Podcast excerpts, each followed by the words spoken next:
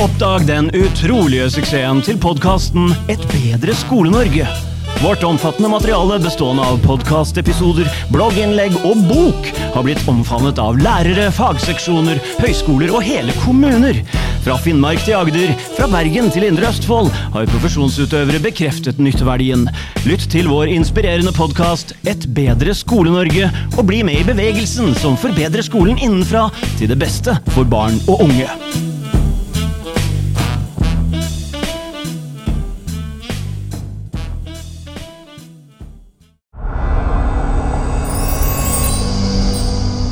Bedre Skole-Norge. Skole-Norge. Velkommen til Et bedre Skole-Norge. I dag så skal vi dykke litt dypere ned i hvordan man kan snu en skole, og vi skal snakke med Trond Nilsen, som er rektor ved Lofsrud ungdomsskole på Klemetsrud. Han skal fortelle om hvordan man kan snu en skole og skape trygge og inspirerende læringsmiljøer for elever, lærere og en god skole som foreldra kan være stolte av at barna går på. Han har jobba på en rekke ulike Oslo-skoler de siste åra, og har gode resultater å vise til. Vi gleder oss til å få dypere innsikt i hvordan man kan snu en skole. Velkommen hit, eh, Trond Nilsen. Takk skal du ha.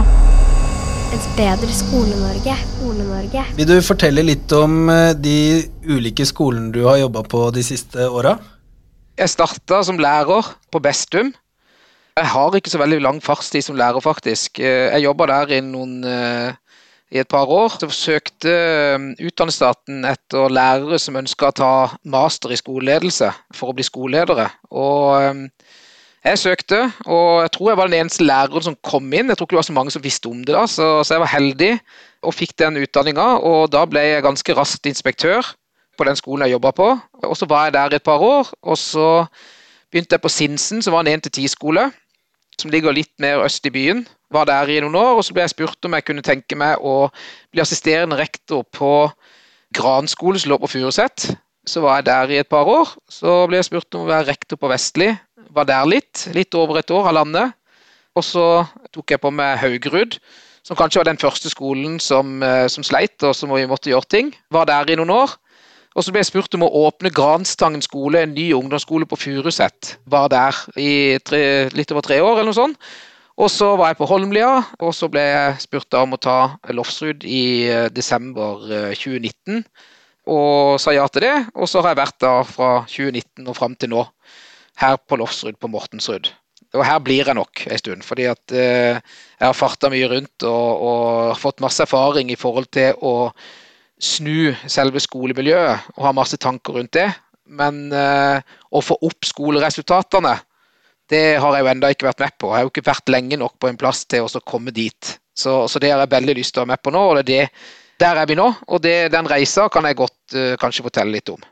Vet du hva, jeg var på praksis eh, på Bestum en gang, så jeg lurer på om kanskje du var inspektør da, eller noe sånt, men det er kjempelenge siden. Da var jeg lærerstudent, må ha vært i ja, tidlig 2000-tall, eh, midt på der. Ja. Da, da jobba jeg der. Jeg jobba der fram til 2005. ja, ja, riktig. Det, det stemmer nok, det. Så Mm. veldig gøy. Men øh, vil du også fortelle litt om deg sjæl som eh, person, liksom? Åssen øh, interesser eller sånne ting? Ja, altså, jeg er ganske jeg er ikke så veldig spennende fyr. Jeg er veldig interessert i fotball. Veldig svoren Liverpool-tilhenger. Reiser en gang i året på guttetur og ser på fotballkamper. Akkurat kommet hjem fra det i forrige uke. Ellers er jeg, har jeg trebarnspappa.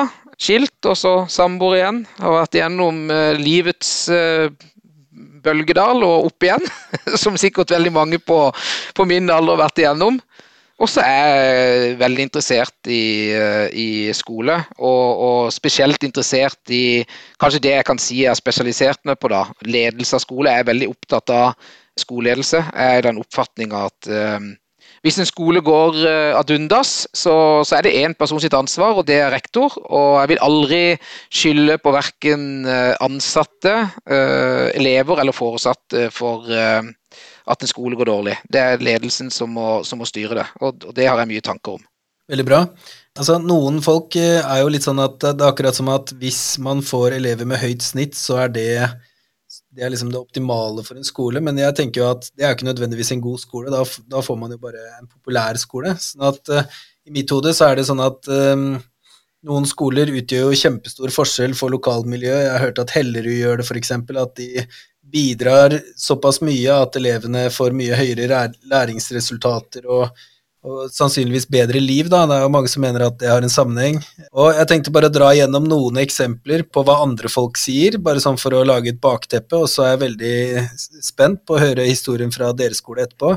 Men jeg har jo lest mye Michael Fullen, og han lagde en bok, eh, det var vel sammen med Andy Hargrace eh, for noen år tilbake, som het The Principle. Og der sier han at de rektorene som klarte å snu skoler på den tida i den konteksten, det var de som var eh, De leda lærernes læring, sånn at de var på en måte slags pedagogiske orakler, det blir litt feil å si, men de var gode på å få lærerne til å bli enda bedre lærere. Og så var de endringsagenter som uh, hele tida så etter muligheter til å forbedre systemet, eller skolen sin, da, i kanskje et ødelagt system, var det han ofte beskrev. Og så var de nettverksbyggere, sånn at de, han kaller det system players, at de var uh, kjente masse folk og kunne hente ting herfra og derfra og sånn, da. Eh, han sa Jeg hadde faktisk en episode med ham for litt siden, og da sa han at eh, grunnen til at det passa bra da, det var fordi at systemet var ødelagt, sånn at de måtte lage gode skoler på tross av politikken og sånn. Så han hadde revidert det, og da sa han at det er tre faktorer, da, som så det ene er spirit work, som handler om at man må ha et slags dyp moralsk imperativ, og at man skaper en visjon man tror så mye på det, at det nærmest blir sant. Og så kaller han det for contextual literacy, at man må forstå konteksten og hva som passer inn der. Og så må man ha en systemness som, eh, som, blir en systematikk som drar alt sammen, i stedet for at eh, systemene skaper fragmentasjon, at eh, ting ødelegger for hverandre, så må alt henge sammen, sånn at det blir dratt inn i et slags rundt et nav eller noe sånt. da. Så, og han mener at rektors hovedoppgave er å skape en sånn slags systemness. da. Ja, jeg ville bare lage litt uh, bakteppe. Altså, jeg snakka med en rektor tidligere fra Sverige som uh, de snudde en skole med bl.a. å være tydelig på normer og ordensreglement og, og eh, sette grenser for de såkalte strategismarte elevene. Det fins mange ulike varianter. Men ja, jeg er veldig spent på å høre, så, så da tenker jeg ordet er ditt, og så får du bare fortelle. Ja, det som er viktig for meg å si, er at jeg har jobba i Oslo-skolen sammen med veldig mange flinke folk. Og um, det er klart det at uh, når du jobber med flinke folk, og i tillegg får mulighet til å starte på nytt, for det er jo det jeg har gjort noen ganger, så drar du med deg ting som du ser at fungerer, og du bygger deg opp eh, nærmest en sånn ABC. og Det gjelder spesielt i forhold til, til, til de skolene som, som, jeg har hatt, da, som ligger i uh, utsatte områder. De tre faktorene som du nevner, det med å ha systemer og strukturer og, og det å um, ha en klar visjon, det kjenner jeg meg veldig igjen i. Jeg kan jo si sånn kort Veldig mye av det som ligger, altså prinsippene som ligger til grunn for hvordan vi jobber, er at vi har en visjon om at vi skal vinne hjertene til elever, foresatte og nærmiljø. Og det har vi fordi at eh, mange år tilbake så var jeg på Stav jeg, jeg var leder for forsterka lærerutdanning i Oslo-skolen i 2009-2011 eller noe sånt. Og da var Stavros Luka, en lærer fra Rinkebyskolen i Stockholm, han eh, var der hvert år og hadde foredrag om hvordan han lykkes med sine elever. Og en av de tingene som han sa som jeg beit meg merke i, var det at eh, det første jeg skal gjøre, det å vinne hjertene til elevene mine. Fordi når jeg har gjort det, så kan jeg gjøre hva jeg vil med dem. Og Han eh, hadde mange strategier for å gjøre det. Han eh, hadde sykkelverksted på lørdager hvor eh, elevene bygde sykler og gjorde masse ting da, for å liksom bli kjent med dem, bygge relasjoner, for så etterpå å kunne bruke de relasjonene inn i, i, faget. Og En av de tingene som jeg tok med meg da, det var jo at jeg var jo rektor da. Og jeg tenkte at eh, jeg kan jo ikke være sånn at eh, i 8A så vinner læreren hjerter, og i 10C så skjer det samme. Og Der var ikke Stavros Luka, for han var opptatt av sin klasse. Og han var veldig stolt av at eh, elever som hadde andre mattegrupper, kom til hans sine klasser. Så det kunne gjerne være nesten tomt i en annen klasse, og så kunne det være stuefullt hos han. Så han hadde ofte sånn 50% mer elever enn det, enn det han egentlig hadde på klasselista. Så tenkte jeg at ok, det å vinne hjerter det er jo veldig bra, men som rektor så tenker jeg min hovedoppgave som rektor er jo å sikre en, en likeverdig opplæring i hvert klasserom, uavhengig av lærer og fag. Og Derfor så tenkte jeg at vi må jo vinne hjerter overalt. Ikke bare hos Stavro Luka, men vi må sikre at alle gjør det.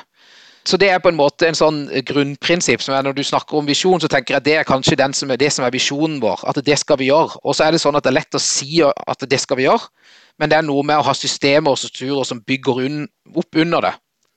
Og det som jeg tenker når, når du kommer til en skole hvor, hvor, ting er vanskelig, og elever har vanskelig oppførsel, og det er mye vold og trusler, og, og for å si det veldig sånn kort, det er egentlig elever som styrer skolen når du kommer til en sånn skole, så er det sånn, nå har jeg gjort det noen ganger, og det er helt sånn generelt. altså det er veldig sånn, Jeg kan bare pinpointe alle de tingene jeg kommer til å se.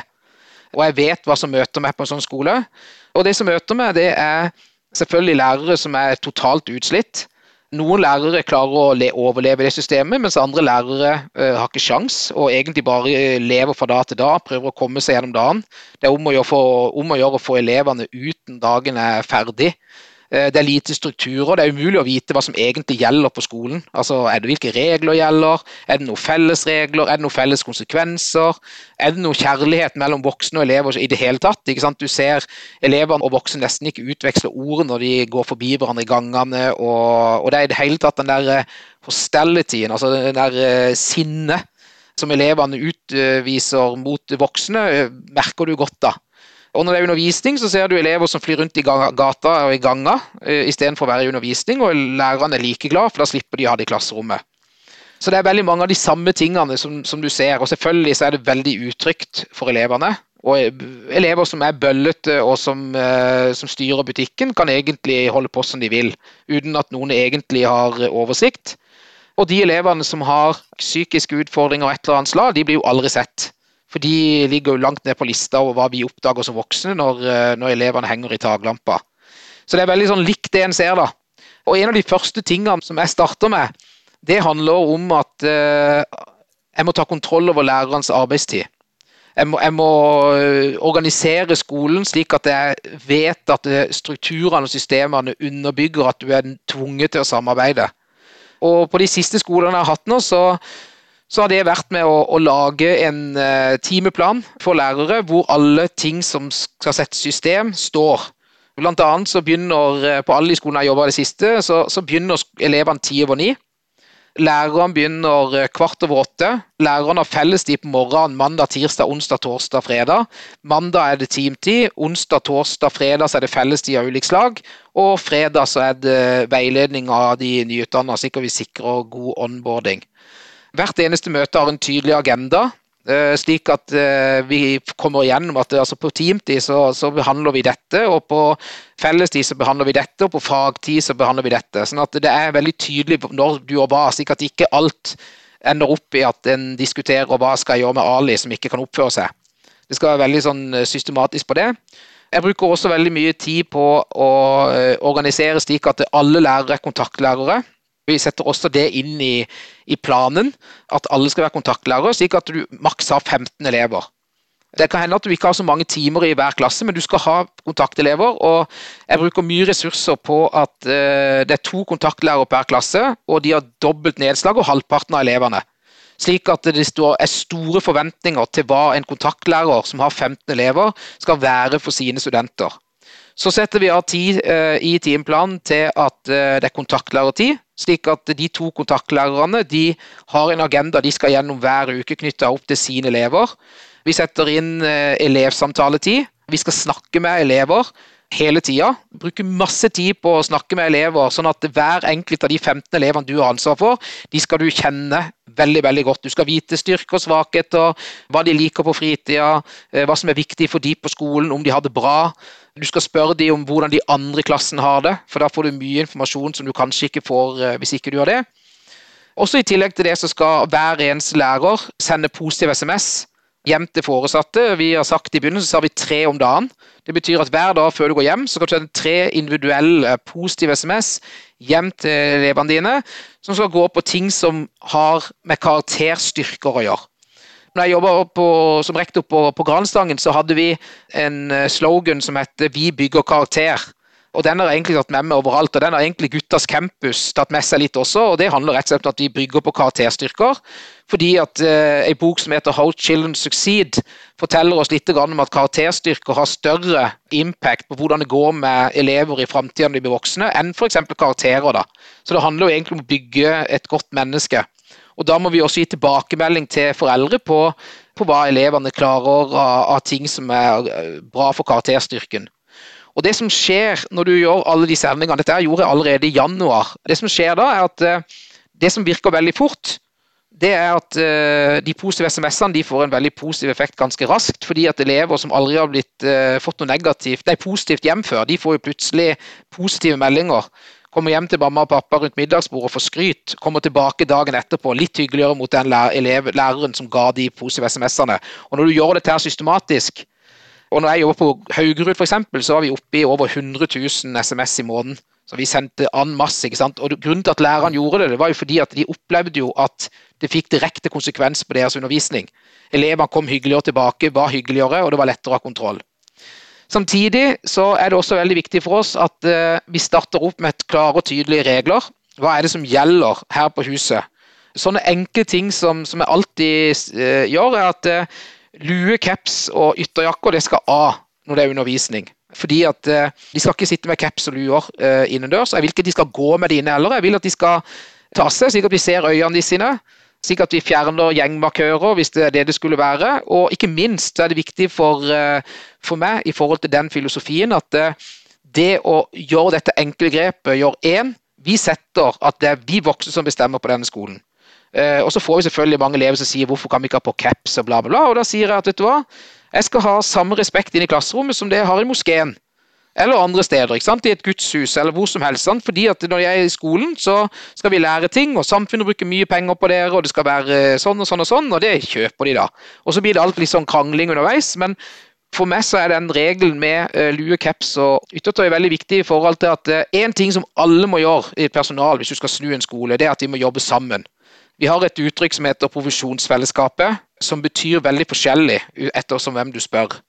Og Det å være et profesjonsfellesskap for meg, det betyr at eh, vi som voksne er en enhet uten sprekker knytta opp mot elevene. Det betyr at vi er dønn lojale mot det vi er enige om sammen. Fordi at eh, Jeg har hatt mange ganger opplevelsen av at det kommer eh, erfarne lærere som kanskje klarer seg i et sånn et ustrukturert system, som overlever, og som ikke er lojale og som i etterkant sitter og trøster en nyutdannet lærer som har gått uh, i dass på undervisninga, og så vet jeg at grunnen til at hun eller han har gått uh, dårlig med, er fordi at du som erfaren lærer ikke har vært lojale mot de reglene vi er blitt enige om. Så det å ha lue og caps på i timene, det gjør meg Da kan jeg gå rundt, eller vi i ledelsen eller hvem som helst gå rundt, og så ser vi veldig fort hvem som er lojale. Det er en av de letteste kampene vi skal vinne. Det er at, uh, at lue og caps skal ha. Og så er det sånn, hvis du ikke vinner den, så vinner du ingen av de andre kampene heller. Det er en av de letteste. Det må skje først. Og så er det noen lærere som kommer og sier at ja, men han, ikke, nekter å ta seg capsen.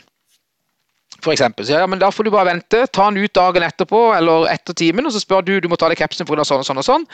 Og mitt poeng er at hvis en elev nekter å ta seg capsen for det, og ikke det er en veldig veldig spesiell grunn, så er det fordi du har en dårlig relasjon.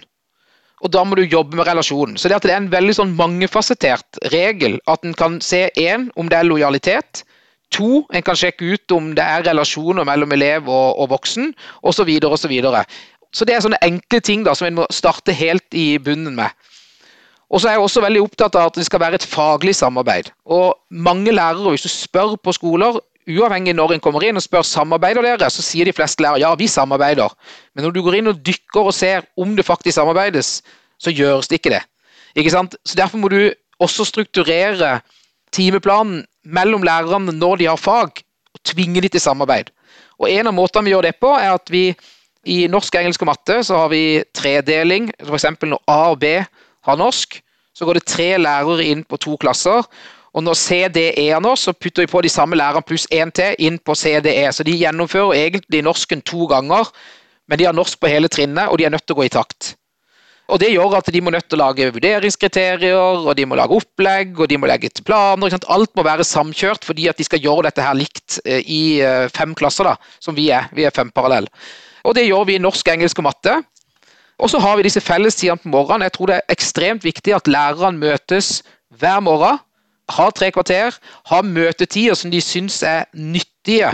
Fordi at eh, Jeg var vant til tidligere at, eh, at når vi hadde møter, så kunne vi gjerne hatt et teammøte en gang i uka på to timer, eller annenhver uke tre timer, eller noe sånt.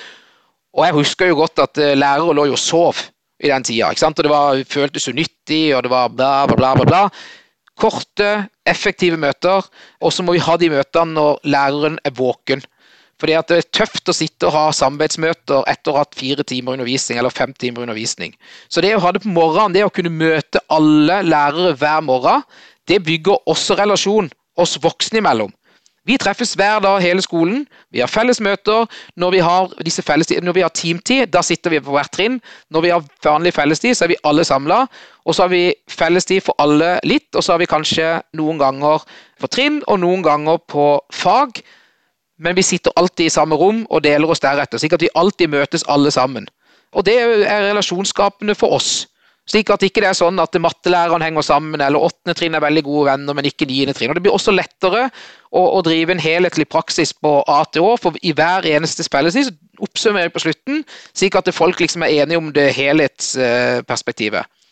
Og så vil jeg også si det at en skole som en kommer inn på som har utfordringer, er veldig ofte knytta opp til at eh, elevene og Da gjelder det spesielt minoritetsspråklige elever, og det tør jeg å si minoritetsspråklige elever, spesielt i disse utsatte områdene, har i utgangspunktet med seg, i hvert fall etter min erfaring, minus i relasjonsbagen når de kommer opp.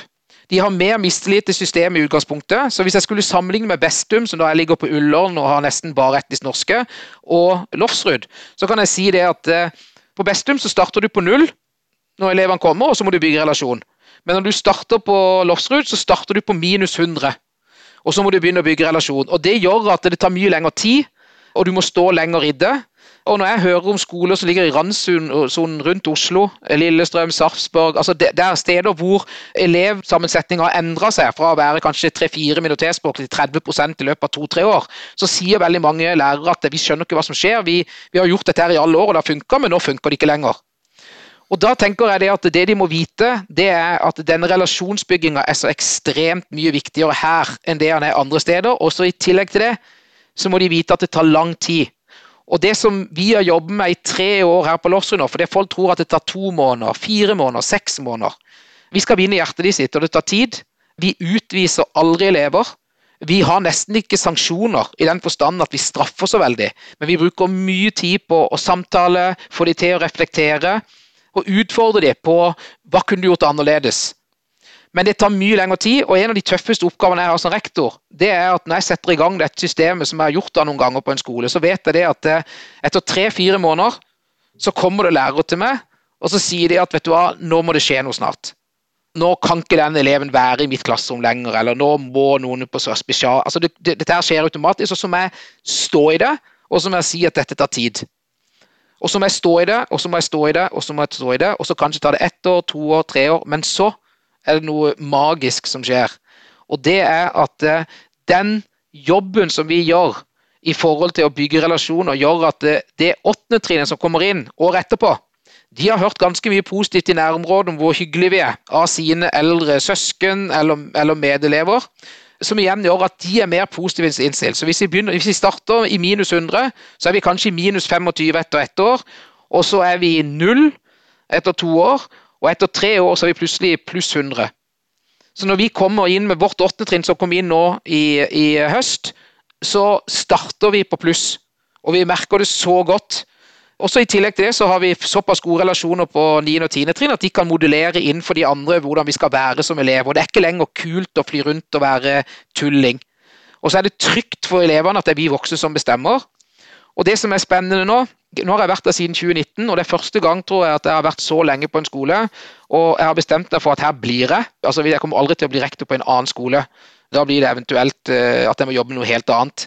Men nå vil jeg nyte å være med på den effekten vi ser i forhold til at det fokuset som vi har hatt nå i tre år på å ha strukturer, systemer, samarbeid, arbeid med relasjoner osv., osv., det kan vi nå nesten legge bort. Og nå har vi brukt hele høsten på å kun jobbe med fag. Jobber med kartleggingene, eh, analysert de. Vi jobber med hvordan vi kan gi bedre lekser. Vi jobber mye med vurdering. Hvordan skal vi gjøre vurderinger på en mer effektiv måte. Og så har vi jobba nå med nasjonale prøver, hvordan vi ser sånn og sånn og sånn. Og vi sitter og diskuterer. Og nå, endelig, etter tre år, tre og et halvt, så jobber lærerne helt og holdent med fag og det som de egentlig er utdanna til.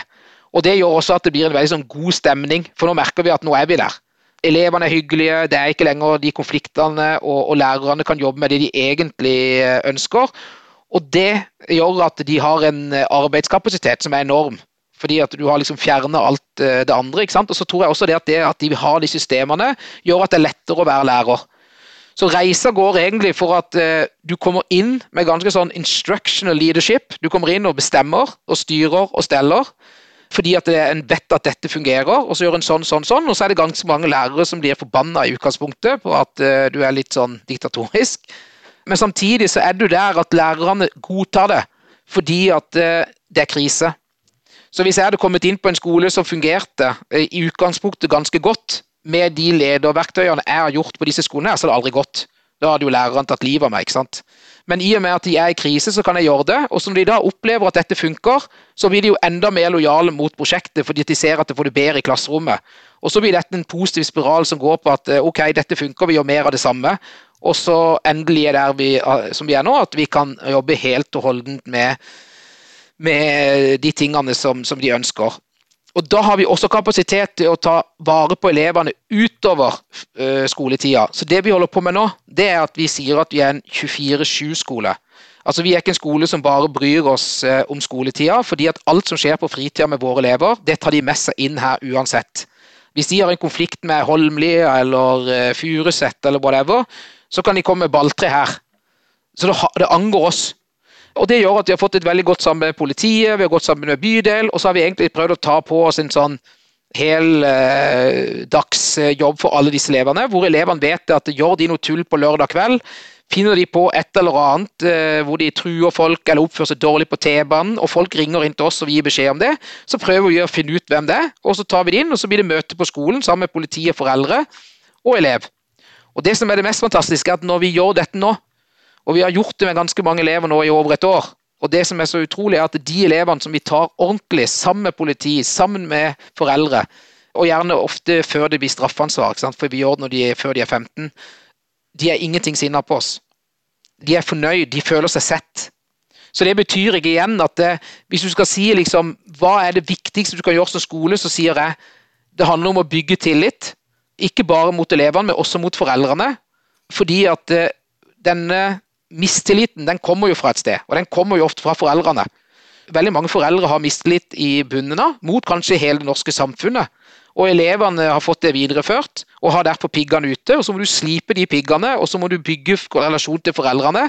Men når du først har kommet i posisjon overfor foreldre og elever, da bruker de det. Og da kan du komme og hjelpe. Og jeg har noen gode eksempler som et veldig konservativt eh, foreldrepar som hadde barnet sitt eh, som hadde utfordringer, og vi hadde dette møtet med politiet. Og vi fortalte at eh, vi har ett år på oss på å redde sønnen din. Hvis ikke så er det løpet kjørt. Jeg sier at det løpet er kjørt juli 9. Du har liksom fra 8. til juli 9. Etter juli 9. så er de mer voksne enn barn. Og eh, vanligvis er det sånn at det å ha et barn som driver med kriminalitet, det er knytta skam, ære, alt dette her. Og i hvert fall hvis du ikke har helt tillit til institusjonene, så er du redd for å dele. Og Litt etter det møtet så ringte mora til denne gutten og så sa de at i går hadde vi politiet hjemme hos oss, og de fant en machete i sekken til sønnen min. Jeg vil at du skal vite det. Og Det var liksom breakthrough for oss. Da tenkte vi jøss, dette hadde vi aldri fått vite hvis ikke vi hadde gjort en god jobb overfor de foreldrene og bygd den tilliten som gjør at de tenker at vet du hva, skolen er ikke der for å straffe, skolen er ikke for å hive barnevernet etter oss, men skolen er der faktisk som en hjelp og støtte for at vårt barn skal lykkes. da. Det var en lang, lang monolog. ja, veldig bra. Det høres jo ut som uh, når skolen funker bra, så redder den uh, barn fra gjengkriminalitet. Altså, det er litt sånn Utdannelse kan være en vei ut av La oss si de hadde gått på en annen skole enn deres, kanskje de hadde endt opp i gjengkriminalitet, men når de går hos dere, så får de heller brukt uh, evner og anlegg og fått seg en utdannelse, kanskje, da? Nå skal ikke jeg si og, og stå her og love at, uh, at, vi skal redde alle, fordi det klarer vi sikkert ikke. Men vi har en ambisjon om at uh, alle på denne skolen skal bli sett. Det gjør vi også hver morgen. Så står vi og håndhilser på alle elever på vei inn på skolen og ønsker de god morgen. Vi har en forventning om at de skal si god morgen til oss også, fordi det er en høflighetsforventning som vi har. Sier de ikke god morgen, så må vi snakke med dem. Da må vi finne ut hva er det grunnen til at ikke du sier god morgen. Da har det som regel skjedd et eller annet som gjør at de er sure, eller et eller annet, og som de trenger å få ut før de går i time. Og læreren står og hilser inn i klasse, eller hvert klasserom. Hvis de skal være undervisningstime, så hilser de, så alle skal bli sett eh, to ganger. Og så har vi miljøteam som jobber veldig mye med elever som eh, For vi har også systemer for atferdshåndtering. Så hvis en elev bråker i timen og læreren bruker å si verktøykasse og ikke det funker, så kan du ende opp med å få en timeout-seddel, som det heter. Da blir du sendt til miljøteamet, og så må du snakke med miljøteamet om hva du har gjort, og så må du prøve å reflektere om hva du kunne gjort annerledes.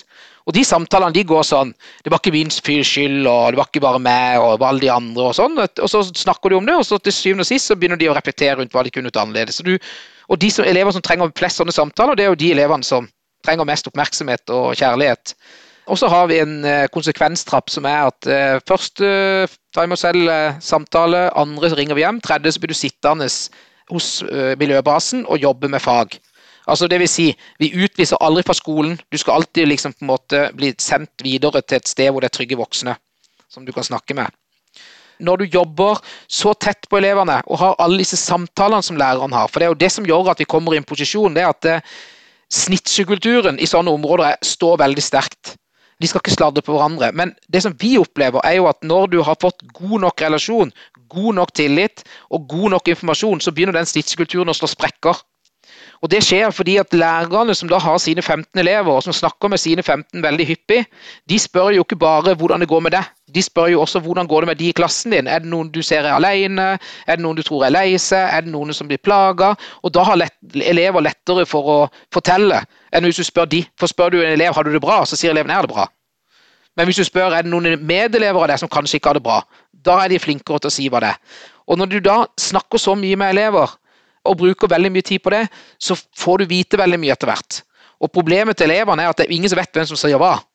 For når alle lærere snakker med alle elever så mye, så blir det nesten umulig å finne ut hvem som egentlig har sagt noe. Men det betyr at vi får en enorm informasjonskontroll på hva er det som skjer, og kan bruke den informasjonen i, i jobben med elever. Og nå får vi flere ganger vi får nå elever som, som er bekymra for andre elever, for de vet f.eks. at de har røykt hasj.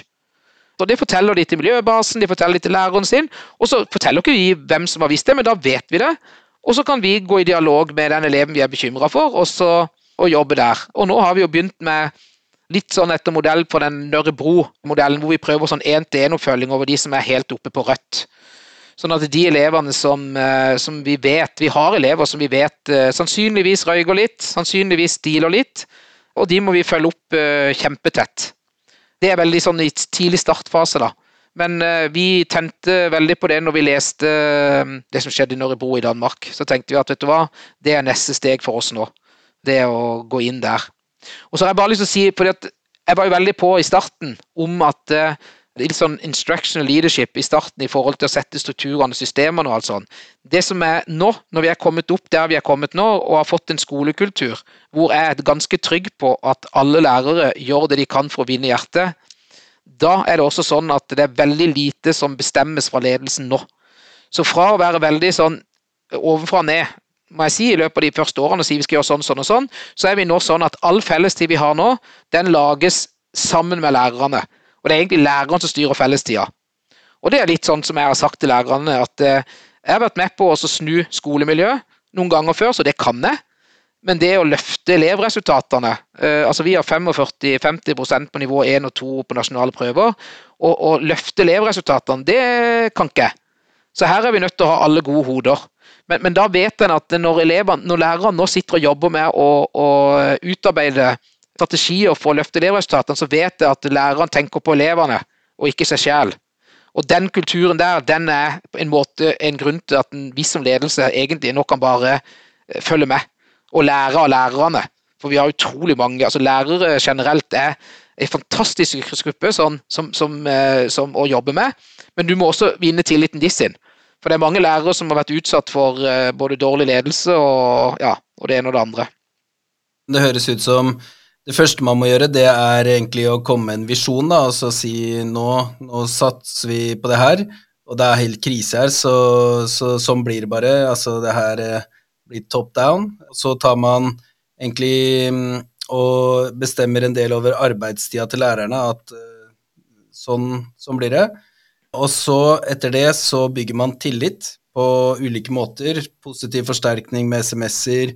Man eh, ja, tar, håndterer konflikter, skaper, skaper, en kultur da, som er prega av at man er et team med, i forhold til det med lojalitet og sånn.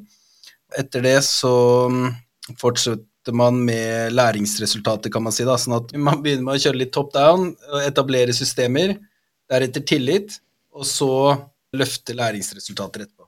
Høres det riktig ut? Ja, altså jeg, jeg pleier å ha en sånn trekkant som jeg viser at eh, altså relasjoner, struktur, økt læringsutbytte.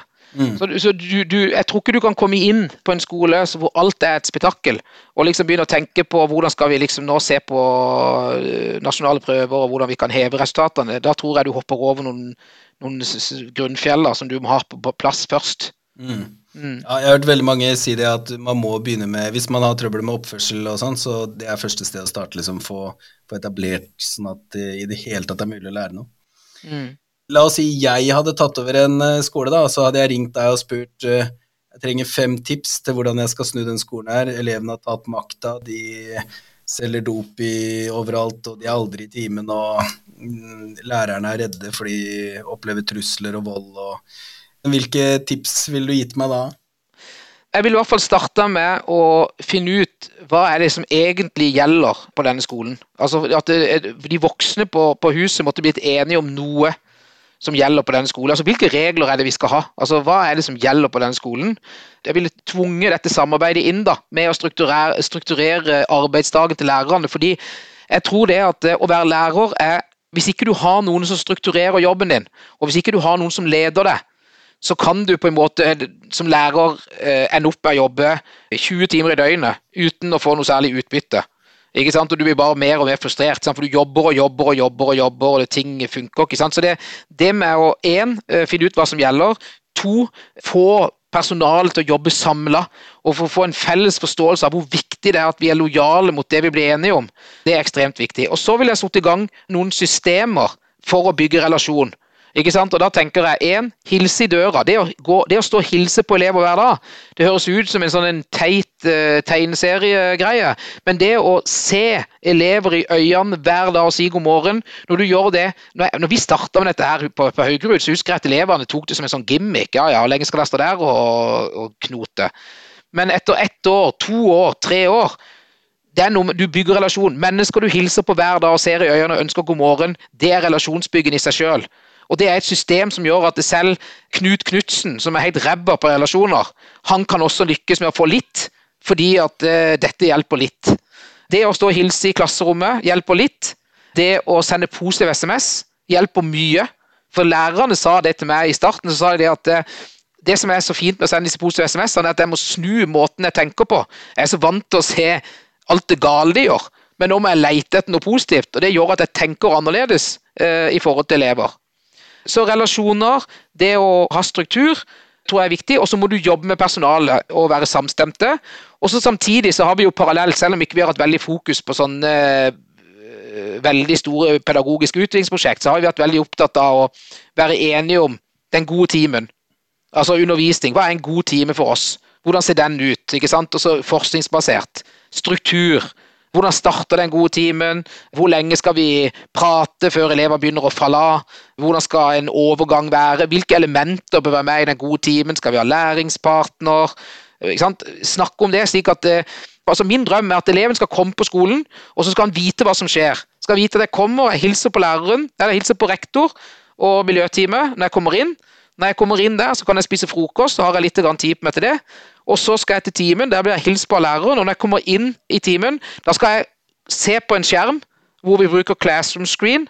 På den classroom screenen så skal det stå hva som skjer den timen. Det skal stå hvilket mål som er for den økta, og det skal stå hvilke regler som gjelder. Vi hadde utfordringer i fjor, og det har vi hatt egentlig flere år. For jeg har alltid sagt at eh, mobiltelefon kan vi ha, vi må lære de å bruke den. Og så var jeg litt sånn på vei til å gå fra det, for jeg tenkte at vet du hva, jeg vet ikke om vi klarer å avvenne de med den mobilen. Men så satte vi det opp på den classroom screen, så var vi enige om at i hver eneste time skal vi starte timen med å gå gjennom reglene. Én lue, caps og ytterjakke av. To mobiltelefon på lydløs. Ikke sant? Tre ikke noe vann, eller jeg husker ikke Men, men, men det er sånne småting, da. Men de to tingene der de skal alltid være med. Og nå har læreren sagt det at uh, nå er det ikke noe problem med mobil. Det var et kjempeproblem i fjor, men fordi at vi alltid tar de hver eneste time Selv om elevene er jo sikkert lei av det, men etter hvert så gir de seg. Og så er det borte, og så er det litt sånn Det er som jeg sier til læreren, at det har ikke vært på ett eneste rektormøte hvor vi sitter over 100 rektorer uten at telefonen ringer. Så vi voksne er jo ikke noe bedre hvis ikke noen eh, minner oss på det. Så Nå prater jeg litt sånn uh, mye om alt, da, men, men eh, det med å, relasjoner, struktur, undervisning, og ikke minst også dette med skole-hjem-samarbeid i forhold til å, å også vise uh, både nærmiljø og foreldre at uh, vi er glad i barna deres og liker de. Kjempeviktig. Og så tenker jeg det at etter hvert så må du jobbe mye med personalet i form av bl.a. psykologisk trygghet. En av de tingene som vi har jobba en del med her, er jo at vi ønsker at alle skal bidra inn når vi nå skal begynne på den vanskelige reisa. For Jeg kaller det den vanskelige reisa. Jeg synes det er Én ting er å, leve, å liksom snu et elevmiljø. Det er på en måte, Du må gjøre sånn, sånn og sånn, og det vet jeg litt om. Men det å få elever som er svake, og det å ha god tilpassa undervisning i alle timer, slik at du treffer alle elever, det er det vanskelige.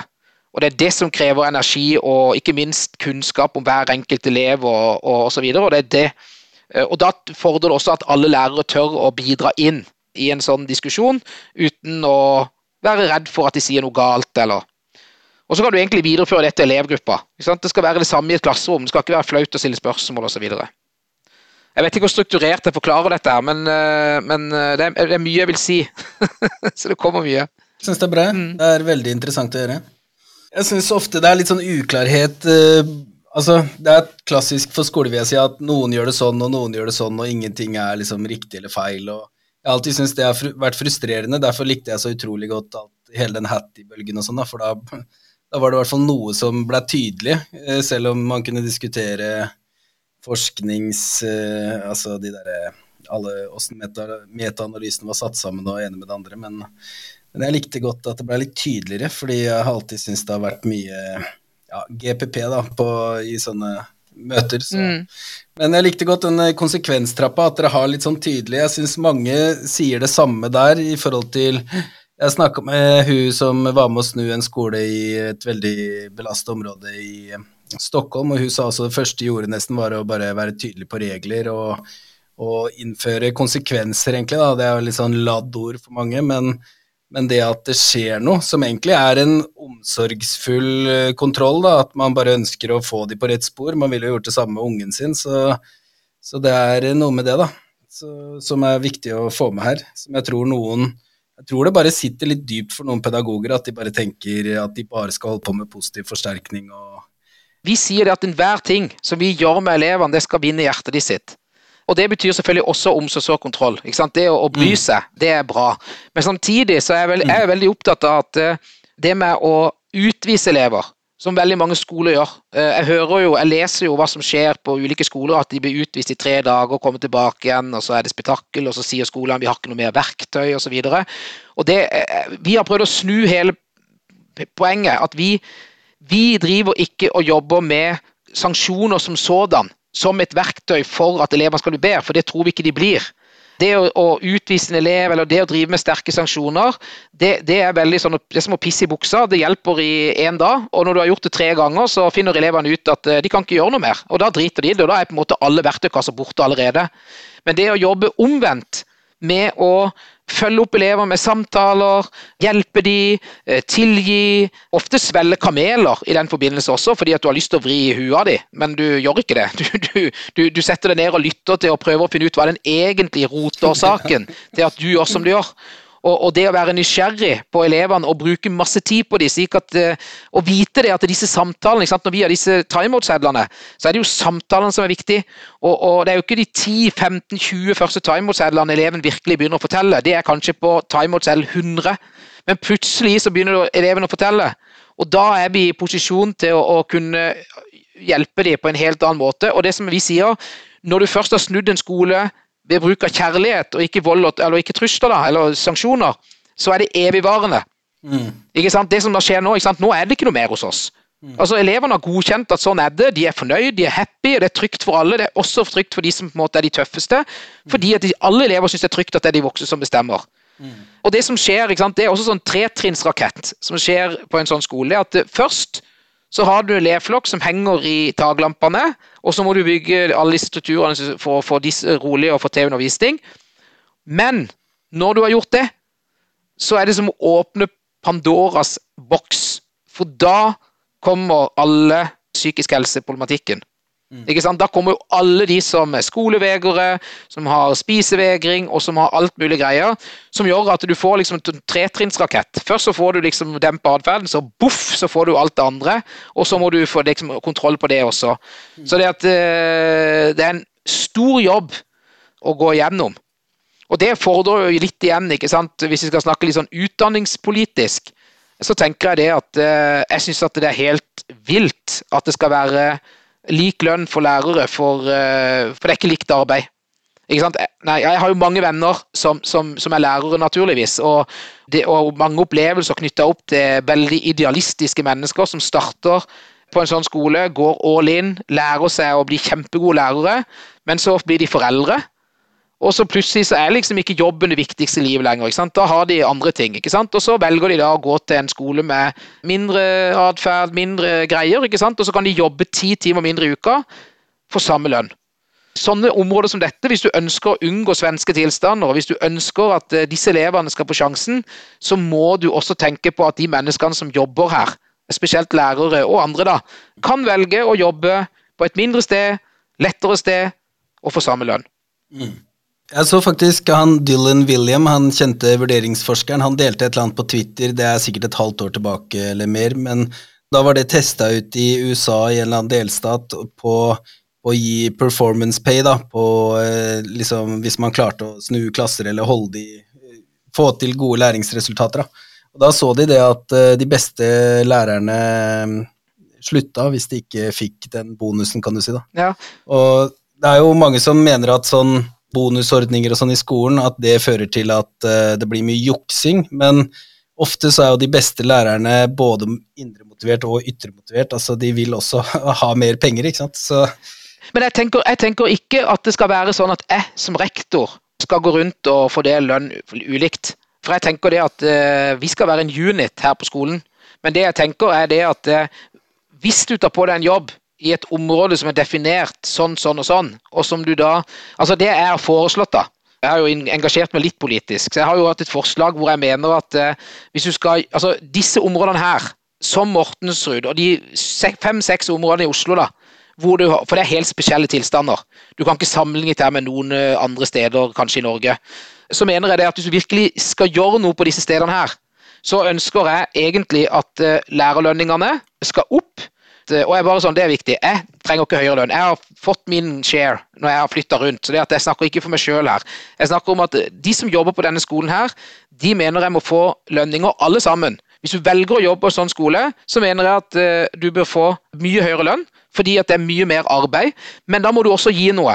Og det jeg kunne ønske, det var én, at uh, vi hadde arbeidstid fra åtte til halv fire. That's it.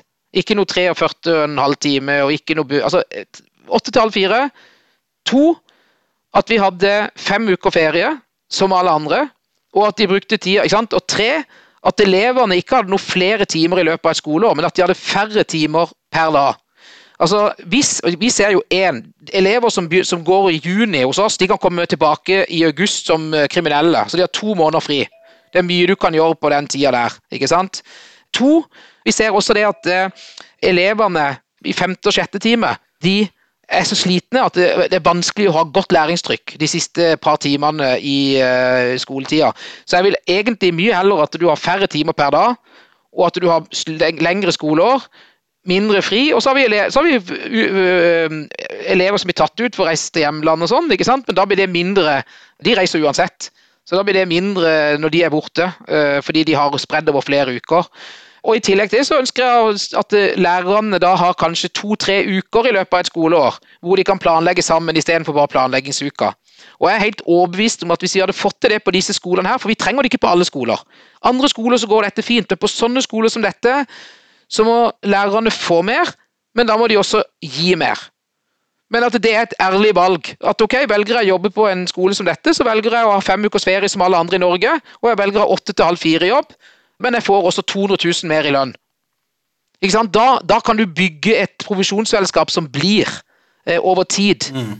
Fordi at det, du, det, som skjer her nå, at Vi har dritgode lærere, men, men etter hvert som de blir utslitt, for det er tøft Du starter hvert år, og det er ikke sånn at eh, det er gone en gang for alle. Selv om jeg sier at nå er det rolig, så er det ikke sånn at vi kan bare drite i relasjoner. Vi må holde på ikke sant, eh, parallelt hele veien.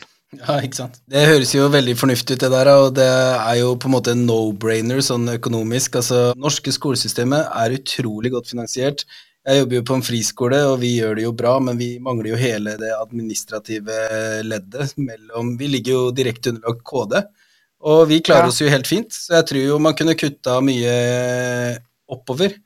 For foreldre også må det jo være å høre oss prate nå, må jo være åpne dører, at vi ønsker mer tid med relasjoner til elevene. altså de Veldig mange unger nå begynner jo i barnehagen når de er åtte måneder, og så sitter de med iPaden ganske mye. sånn at når de er eh, mye eldre enn tidligere, så flyr de jo fortsatt rundt og leker og sånn, fordi de har liksom ikke vært barn ordentlig. altså jeg tenker som så at det der høres jo veldig fornuftig ut. da. Det er bra du sier det. Jeg må bare ta det med tid også. altså Finland har jo færrest timer omtrent i hele verden på skolen. Men det er jo kjempebra når det først er skole, sånn at da blir jo læringsresultatene veldig gode også. Og man ser jo motsatt i andre land, at de er utrolig mange timer på skolen, men det blir jo helt elendig. Og veldig mange har jo lært alt de skal lære to ganger før eller sånn. sånn at eh, det er jo noe med at kvalitet ofte kan telle mer enn kvantitet, da. I tid. Alle som har jobba i skolen, ser jo kvaliteten på de to første timene versus de to siste. Ja, ja. Jeg sier det til alle politikere jeg møter, og så sier jeg jeg vet at jeg får utdannelsesbundet på nakken, men det bryr jeg meg ikke om. Nei. Men jeg mener at det er helt uh, hårreisende at vi sitter i 2023, og det er ingen politikere som tør å ta tak i en arbeidsavtale som er fra 19 et eller annet. Mm. Altså er, vi, vi, snakker om et profesjonsfellesskap, og hvor viktig det er. Mm. Samtidig som at uh, vi har kun tilgang på to tredjedeler av tida. Mm. En tredjedel av tida forsvinner til den enkelte. ikke sant? Og det er klart at eh, Jeg skjønner lærerne veldig godt, det, i form av at, eh, at du ikke gir fra deg et gode. Men veldig ofte så handler det om at du vet ikke hva du hva som er alternativet. Altså, jeg skjønner også det at når jeg var lærer, jeg husker godt det at det var snakk om arbeidstid et av de første årene jeg var lærer, jeg var helt i hundre. Det var ikke på tale at de skulle gjøre noe med arbeidsavtalen. Så jeg skjønner godt lærerne. Men etter at jeg fikk fem uker ferie og fleksitid, sånn som jeg har hatt de siste 16-17-18 årene, så vil jeg jo aldri bytte tilbake. Nei, nei. Ikke sant? Så det, det, er noe med at du har ikke prøvd det andre. og bare det at hvis du kan, altså, Som lærer kan vite det at eh, når jeg går hjem klokka halv fire, så skal jeg ikke gjøre noe mer. Nei, nei. Da er jeg ferdig. Ikke sant? Og så sier de ja, men hvordan skal jeg gjøre det, jeg skal jo forberede meg. Ja, det skal du gjøre. Men ikke sant? jeg sier også til lærerne våre, og dette er jo all forskning på, på vurdering også, er jo at eh, vi må jo få en vurderingspraksis hvor vi vurderer mye mer i de timene vi har. Mm. Altfor mye vurdering. Nå har vi jo eh, datamaskiner, holdt på å si. Nå har vi jo programmer som kan skrive eh, svar for oss og alt mulig. Vi må jo ha mye mer fokus på å veilede og vurdere når vi har elevene, for den vurderinga virker. Mm. Den vurderinga med at du sitter og retter 30 stiler og skriver lang avhandling og gir tilbake, og så leser de aldri, den virker jo ikke. Ja, ikke. Så, at å bruke, nei, Vi snakker mye om dette nå, læreren, for vi, nå har vi en leksediskusjon her på huset. Og nå er vi sånn at eh, jeg har ikke noe jeg bestemmer ingenting. Nå er det lærere som bestemmer selv hvordan vi jobber. Og så er vi selvfølgelig med på beslutninger, men, men, eh, men læreren driver dette. Men det er mye diskusjoner rundt hvordan skal vi jobbe med disse leksene. For det er mye jobb med lekser hvis du skal følge opp. Mm. Hvor mye gir det tilbake? Øker det læringsutbyttet? Hvilke lekser øker læringsutbyttet? Hvordan skal vi følge opp for at det øker læringsutbyttet? Disse tingene må vi snakke om, slik at ikke vi ikke gjør masse arbeid som egentlig bare er arbeid for at vi kan si sjekk, uten at det egentlig fører til, lærer, til elevenes læringsutbytte. Ja. Så å være mye mer fokus, eh, fokusert på det Jeg tenker bare hvor mye gode undervisningsopplegg læreren kunne lagd hvis de satt sammen til enhver tid. Og så halv fire så går vi hjem, dere. Ja, ja. Og, og så er det det med at sant? Det er jo 43,4 timer eller sånn per uke man skal jobbe, og så det får du jo aldri sjekka, ikke sant, de 14 timene eller sånn som ikke er bundet, i hvert fall på videregående, så du aner jo ikke hva som skjer der. Jeg pleier å si sånn, jeg tror de fleste gjør det, men det er sikkert en luring som nesten aldri gjør det, som bare er så rutinert og flink i faget sitt, og det blir jo urettferdig det òg, og det å snakke veldig mye om profesjonsfellesskap, og så er rammen liksom at vi har seks planleggingsdager på et helt år. Det er jo eh, ikke spesielt eh, bra. Nei. Så det vi gjør, er at vi legger litt sånn tentamener tett opp til, og så leier vi inn ekstra vakter, men da det blir jo en ekstra kostnad da, som eh, heller kunne ligge i arbeidstidsavtalen. og Jeg vet ikke om det stemmer, men jeg har liksom hørt at Singapore at der bruker de tre måneder og sånn på, på at lærerne oppdaterer seg og Ja. jobber sammen og sånn i året. Eh, mens i Norge bruker vi seks dager. sånn at eh, det, det sier seg jo sjøl, hvis man skal få til skikkelig bra samarbeid i et helt skoleår på alle trinn og alt mulig, så har lærerne seks dager. I Oslo har de fem. Ja, ja, ikke sant. Det er et langt lerret å bleke, da. Det blir vanskelig. Så jeg mener jo at folk må være litt dristigere der, og der må jo Utdanningsforbundet før eller seinere også kjenne, liksom, skjønne hva klokka er, og skal de ha legitimitet og støtte og sånn, så må de jo også tenke litt sånn De er jo der de er også for elevene, sånn at de må jo ta den litt, syns jeg, da. Det er jo det som jeg tenker de ikke er. Altså, jeg tenker at, og det er jo ikke jobben de sin heller. Altså, Vi har Elevorganisasjonen som passer på elevene, så har vi Utdanningsforbundet som passer på lærerne. så lærer, altså, Utdanningsforbundet som sådan gjør jo jobben sin. De vil jo ivareta lærernes eh, Og det er helt fair, det. Men da må vi være klar over det. Det er jobben de sin. Jobben til Utdanningsforbundet det er å sikre best mulige betingelser for lærerne. Og Det gjør jo at, eh, at veldig mange ønsker status quo, fordi at en tror at det er det beste. Men samtidig så er det sånn at som jeg sa tidligere, at det er ikke sikkert at det er nødvendig å ha disse omveltningene på alle skoler. Fordi at Det kan godt hende det funker helt fint med 38, 39 uker og fem dager og sånn andre steder, men på de skolene her så tror jeg at eh, hvis ikke vi skal få på såkalte svenske tilstander og elever som, som, eh, som utagerer og blir gjengkriminelle, så tror jeg det at eh, med fordel at vi kunne hatt noen pilotskoler som prøvde et annerledes skoleår, prøvde å lønne læreren på en annen måte, og så målt resultatene av det og sett om det funka. Det har vært utrolig bra.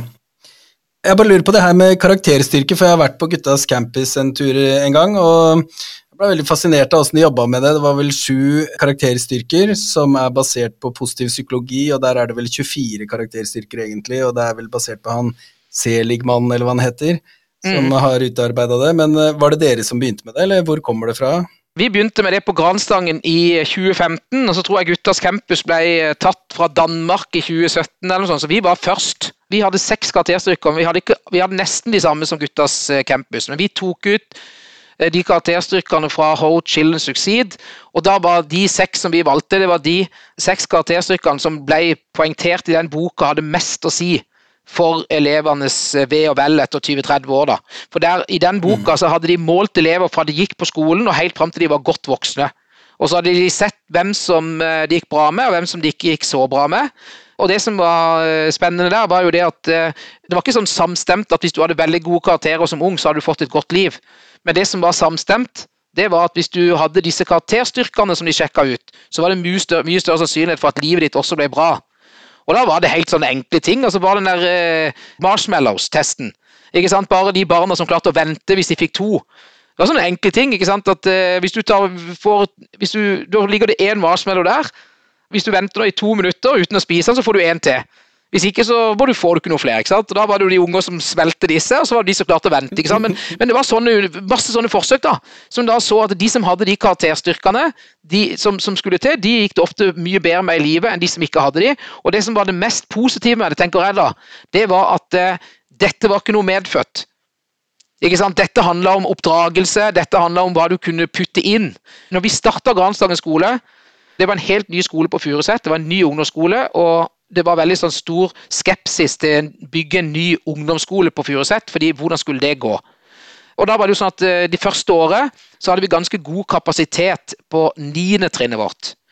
Og så fant noen av gangsterne i Groruddalen ut at eh, der er det kult å gå. Så vi fikk jo søkere fra alle disse skolene. Alle gangsterne søkte seg jo til Granstangen på 9. trinn, for der var det plass. ikke sant? Og de kjente hverandre og hele pakka. Så vi tenkte jo herregud, hvordan skal dette her gå? Og så jobber vi med karakterstyrker hele niende Mm. og tiende. Og så hadde vi en elevgruppe som var oppe i, i eksamen i matematikk. Og det var jo denne gjengen her. Og det gikk jo så fryktelig dårlig. De fikk 2,3 i eh, eksamensresultat. Men det vi feira, og det var litt sånn Vi feira at én, alle var og hadde eksamen. Det var ingen som ikke møtte, det var fantastisk. Nei. Men det som var det kuleste av alt, det var det at det var ingen elever som gikk før tida. Det er ganske sykt. Er altså, du sitter der, du er så dårlig i matematikk at du klarer ingenting, men du sitter i fem timer og jobber og prøver. Og da tenker jeg at Det vi feira da, var det at eh, vi hadde jobba mye med utholdenhet. Og, og, vi sa det til elevene at vet du hva, uansett hvordan dette her går, spiller ikke noen rolle. Du har prøvd så godt du kan, det er fantastisk. Og i etterkant av det så var jeg der i et par år til, og i etterkant av det så kom elever tilbake igjen av disse her og fortalte at nå hadde de fått tre på videregående skole i matematikk. ikke sant? Og jeg tenker at det veldig mye av det å jobbe med karakterstyrker, det får du kanskje ikke tilbakebetalt allerede i eksamen, men i det lange løp, ikke sant? det å jobbe med karakterstyrker over år på skolen, det tror jeg veldig på at uh, vil lønne seg når de blir litt eldre, får litt mer i topplokket, så hjernen begynner å bli skrudd på plass. Så jeg er helt overbevist om at det har en veldig positiv effekt. Men det er ikke så målbart i nuet. Nei, nei. Det med overganger også. Jeg, når vi først snakker om Guttas campus og sånn, de hadde sånn fast at en time var sånn og sånn bygd opp, og så når den var ferdig, så var det musikk. Sånn at da bare Med en gang musikken kom på, så var det sånn Ok, da er vi ferdig, og så gikk de ut, liksom. De var vel dressert, hatt episode. De hadde skjønt uh, oppsettet veldig tydelig. Så mm. det her med positive SMS-er må jo også være et veldig ja, det er jo ikke utrolig tidkrevende, tenker jeg. Og så er det jo, må det jo gi stor effekt, da, så det høres jo noe som mange burde plukke med seg. I 2011 så begynte vi å gjøre dette her i, på Haugerud. Det var da vi starta opp med det. Og det som mm. vi fikk eh, raskest resultater med, det var at eh, foreldrene begynte å se på skolen på en helt annen måte, fordi at de sa 'jeg hører så mye bra om barnet mitt'. Hva er det som skjer på, på Haugerud? De ble nysgjerrige, ikke sant. Mm. Det som skjedde så, var det at plutselig så hadde vi jo nesten full dekning på foreldremøter. Det hadde vært sånn fire-fem slenger inne på foreldrene. Plutselig så var vi nesten alle sammen. Og de var helt tydelige mhm. på det. De ville se læreren som hadde skrevet så mye bra om barnet sitt. Så poenget er det at det er ganske sånn enkel, positiv psykologi da, som funker så sterkt. ikke sant? Og i etterkant av det så har jeg jo, jeg har jo tre barn sjøl. Og jeg har jo prata om disse her positive SMS-ene, så folk tenker jo at ja, men han der har en positiv SMS. De tror at det er bare det vi holder på med. Men, men ikke sant, mm. jeg fikk sjøl en positiv SMS om mitt barn. Og da vet mm. jeg jo til og med, jeg er jo trent i dette, jeg vet at det gjøres fordi at det er en del av et system. Men når jeg fikk det, selv når jeg visste at dette var en del av et system, så ble jeg utrolig glad. Ikke sant? På vegne av mitt eget barn. Tenkte 'å gud, så herlig å høre'. Og så tenker jeg dette er effektfullt. Og, og jeg møter nå uten det skal, Du møter du elever nå som for ti år siden så har de tatt vare på den SMS-en de har det enda, ikke sant? Så det at, eh, at, ikke dette betyr noe, det skal ingen fortelle meg. Dette betyr mye for dem, og jeg tror at det, og det er så enkelt. og det er så, ikke sant? Etter hvert så tar det fem minutter. Mm. Og, og, læreren sier ja, men hvordan skal du tenke? Så sier jeg plukk ut samme som uh, kroppsøvingslæreren når de skal vurdere.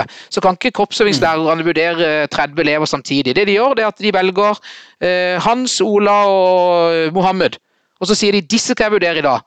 På samme måte så kan du si at disse tre elevene skal jeg finne noe positivt på i dag, og så skal jeg sende på de, og så kikker jeg etter det. Og Da tar det fem minutter etter hvert, og så, og så får du så mye igjen. Veldig bra. Jeg oppsummerer kjempekort, og jeg sier bare at um, hvis man skal snu en skole, så kan uh, en mulighet være at man uh, setter en veldig tydelig kurs Deretter bruker man eh, mye tid og ressurser på å bygge tillit, både til elevene og til foreldrene, og kommer seg godt på plussida, og det kommer til å ta tid. Parallelt så bygger man opp masse gode strukturer, sånn at alt er tydelig, og sånn at eh, alle vet eh, hvordan ting funker. Og så når alt det her maskineriet er på plass og ting funker bra, så tar man og trøkker til på fagligheten og øker det faglige ja, innholdet og kvaliteten enda mer og mer. Og da så får du en bra skole som gir elevene forhåpentligvis livsvarige, altså gode liv i framtiden, og som eh, bidrar inn i samfunnet på en positiv måte. Vi bekjemper kriminalitet i stor grad, og ikke minst så gir det jo mye mening å bidra til noe sånt. Det var vel derfor de fleste begynte både som lærer og rektor, så da er vi liksom der vi skal være. Mm. Ok, Tusen takk for at du ble med, Trond Nilsen. Det var en uh, glede og en ære å ha deg med. Så takker jeg så mye. Tusen takk for at jeg fikk være med. Ha det bra. Ha det bra.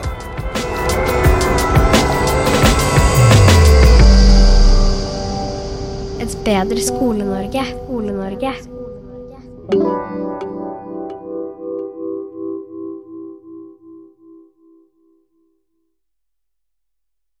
Du kan bli med å skape et bedre Skole-Norge. Podkasten har allerede rundet 100 episoder, fulle av forskningsfunn, oppskrifter, suksesshistorier og praktiske løsninger. Gjør som 60 000 andre, eller hver tredje lærer i Norge. Bli med på reisen mot å skape en bedre fremtid for barn og unge. Et bedre Skole-Norge.